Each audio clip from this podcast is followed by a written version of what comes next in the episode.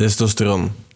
We, we zijn blijkbaar daar niet meer goed bezig als mannen. Als mannen zijn we blijkbaar niet zo goed bezig sinds eind jaren 90, begin jaren 80 zelfs. Uh, zijn we heel de tijd aan het dalen in onze testosteronlevels. En we, we, zijn niet zo goed bezig op het vlak van we houden het niet vol.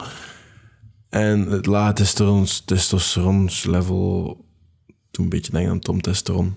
Moest je dat programma nog kennen? Ik vond dat geweldig vroeger.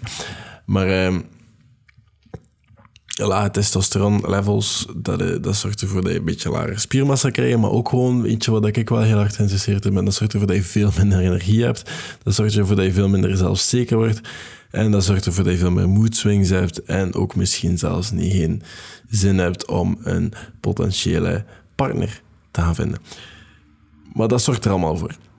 Maar dat is wel een deel van ons, dat is een deel van ons biologisch ritme, dat is een deel van het man zijn. Wat, wat, wat zorgt ervoor dat we dat niet echt hebben? Wat zorgt ervoor dat we geen testosterons hebben? Of misschien veel interessanter, hoe kunnen we ervoor zorgen dat we daar een beetje meer van terug winnen? Ik was niet zo op de hoogte totdat ik vorige week een beetje inlas en qua hormonen en zo is ook beter naar de Hummerman podcast gaan dan dat je naar mij luistert. Want dat is een neurobiologist, daar moet je niet bij mij voor zijn. Maar hier is een beetje mijn visie over hetgeen dat ik geleerd heb en hetgeen dat ik zelf wel doe, en wat ik merk. En welkom tot later. Dit is een podcast waarin ik mij minder verdwaalde zelf, of mijn jongere verdwaalde zelf, beter gezegd, minder verdwaald probeer te maken. En vandaag gaan we het hebben over testosteron. Hoe, dat, hoe dat je dat ietsjes meer kan gebruiken in je leven. Welke voordelen dat, dat biedt en welke, welke drie dingen dat je daar eigenlijk voor kan gebruiken om ietsjes meer testosteron te hebben. Want dat is niet iets slecht. En nee, je moet dat niet gewoon letterlijk in je spuiten. Daar doe je niet aan mee in deze podcast.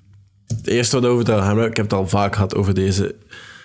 Ik prioritiseer mijn slaap. En slaap in je remslaap, beter gezegd, is ook nog iets veel beter om testosteron levels te gaan kweken, want dat doe je daar slaap is goed. Slaap is belangrijk en kruip op tijd je bedje in. Kruip vroeg je bedje in, zodat je vroeg kan opstaan. Zodat je s ochtends de finesse van het sporten bent. Wanneer dat er nog niet zoveel volk is. En dan weet je, hey, ik ben hier iets aan het doen. Maar slaap is mega belangrijk. Ik prioritiseer mijn slaap ook. Ehm, ik slaap ook graag alleen. Um, ik slaap soms een keer graag samen, maar meestal liever alleen omdat ik gewoon beter slaap. En de laatste tijd is echt gewoon aan het gaan. En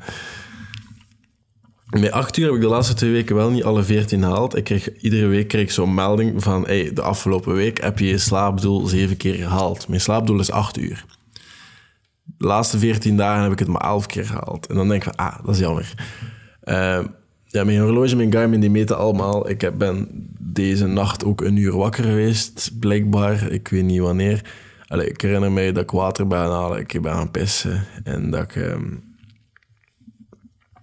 ja, wat dingen heb zitten opruimen vannacht. Maar ik ben aan het in slapen vallen. En dat is dus een beetje wat ik doe. Is uh, veel slapen. Dat is wel echt belangrijk. Zo zijn er veel die alcohol drinken voordat ze gaan slapen. Ik zelf drink niet meer. Ik ga ook niet neerkijken naar mensen die dat wel nog doen. Uh, maar dat is wel een van de factoren dat je remslaap gaat beïnvloeden op een negatieve manier. Dus slaap, allez, drinken voor je gaat slapen, roken voor je gaat slapen, al die toestanden, dat zou ik gewoon niet doen. Want dan ga je slaap beïnvloeden op een manier dat je denkt van, dat, eigenlijk wil ik dat niet. En misschien moet je je kamer ook wel ietsjes kouder maken dan dat die eigenlijk is. Maar ik denk dat het tegenwoordig met de energiecrisis niet echt een probleem gaat zijn, aangezien dat iedereen een beetje bang is van de facturen dat ze gaan krijgen. Dus um, dan kan je die safage toch laten uitstaan. Hè. Dan is het ook aangeraden ik heb ook zoiets gehoord op die Huberman af van uh, waarom dat door je neus ademen terwijl je slaapt veel beter is. Ik ben zelf iemand die knarst dan vroeger. Um, en ook iemand die snurkt als hij op zijn rug ligt of niet. Maar dat was vooral als ik gedronken had eigenlijk. Dus geen idee of dat nog altijd het geval is. Ik heb de laatste tijd niet meer gehoord dat ik snurk. Maar uh, ik slaap ook meestal met zij en dan adem ik wel door mijn neus, denk ik. Maar neusademen is blijkbaar twee keer zo goed als gewoon ademen. Je kan dat leren door er gewoon een stukje tape op je mond te plakken. En dan ga je psychologisch gewoon al leren door je neus ademen s'nachts. En dat, dat heeft ook gewoon positieve gevolgen voor sla slaapapnea en die toestanden. Worden je gewoon minder gaan snurken, minder gaan dingen. Gewicht verliezen, dat is vaak ook wel een tip dat mensen geven, omdat er dan minder vet rond je nek en je dingen is die allee, geen druk gaan zitten op je luchtwegen, waardoor je gaat snurken en toestanden. Dus gewicht verliezen kan ook wel een oplossing zijn daarvoor. Maar het belangrijkste bij slaap en bij wakker worden is ochtends is gewoon even naar buiten gaan. Ik sta nu redelijk vroeg op, ik sta op in de donkerte. Maar met dat ik nu een fitnessabonnement heb, vind ik dat wel heel nice dat ik nu gewoon letterlijk naar buiten stap, naar de fitness. En ergens naar ander, ergens wat anders ga op locatie, trein en dan thuis kom. En dan het eerste wat ik gedaan heb, is effectief iets gaan doen. Naar buiten ben geweest en iets gaan doen. En ik kom ook meestal terug als het redelijk licht aan het worden is. Dus dan zie ik ook wel zonlicht even terwijl ik terugkom. En dat is ook wel iets positiefs. En nu dat we over de fitness bezig zijn, ehm, sporten en met gewichten sleuren en die toestanden, dat is ook wel goed voor je testosteron. Daar, daar, daar zijn verschillende studies rond. Het ding is wel cardio, wat ik niet zo leuk vond om te horen. Um, ik ga ook op het einde van deze podcast zouden effectief gaan kunnen testen. Ik ga dat zelf ook doen. En dan zullen we dat wel even bekijken. Um, nu, naar de fitness gaan is wel um, goed. Maar cardio is blijkbaar minder goed. Cardio gaat ervoor zorgen dat je meer cortisol ontwikkelt. En cortisol is tegenovergesteld testosteron. Dat zorgt voor meer stress, dat zorgt voor meer focus, alertness. Maar dan ga je testosteron naar beneden halen. Dus blijkbaar mag je dat niet langer doen dan 75 minuten. Als je een goede dag wil hebben van hoeveel testosteron. Ja, je moet er ook niet altijd naar te luisteren. Een korreltje zout nemen. Soms lange cardio kan ook wel goed zijn. Maar gedurende de week heb ik toch nooit tijd om langer dan 75 minuten te lopen. Maar dat is wel iets doen. Maar ze zeggen wel, als je dat dan doet, als je besluit om toch cardio te doen of whatever, dat je dat dan combineert met gewichten en zo. Wat ik nu op dit moment wel doe. Dus dat, mijn, dat zou mijn testosteron level hoog moeten houden. Het ding is hoe je dat nu effectief gaat testen. Er zijn hormonentesten uh, online die je kan kopen, waar je gewoon even een bloedprikje doet. Je stuurt dat op en je krijgt dat terug. Ik ben van plan om dat nu volgende week komt dat toe. Ga ik dat doen? Ga ik dat terug opsturen? Ga ik dat allemaal weten?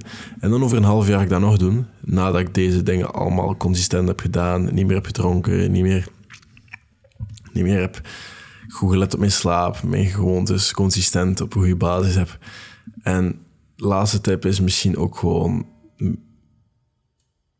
ik heb gezegd, een potentiële partner zoeken zorgt voor, zorgt voor testosteron.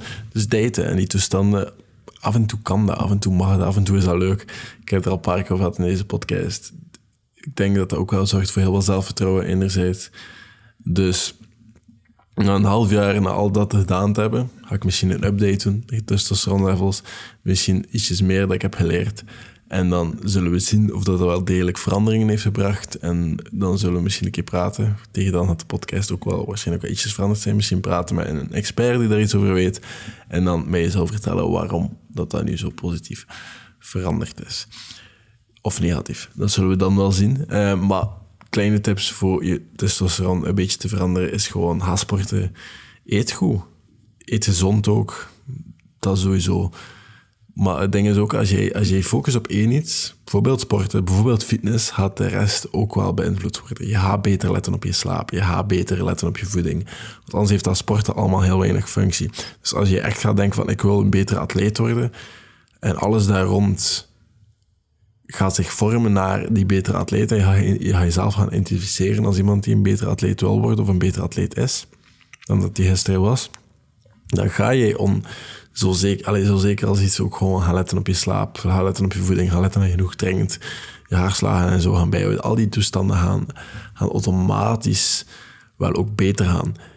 Maar daarvoor moet je gewoon telkens met één beginnen. Maar dat is voor vandaag een beetje kleine fysieke tips.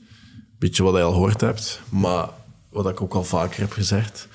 Maar steek dat ik er goed in. Steek dat ik hier allemaal doen en let daarop. Want ik, heb gewoon de indruk dat je vaak die, die herinneringen nodig hebt, omdat je het anders toch nooit doet.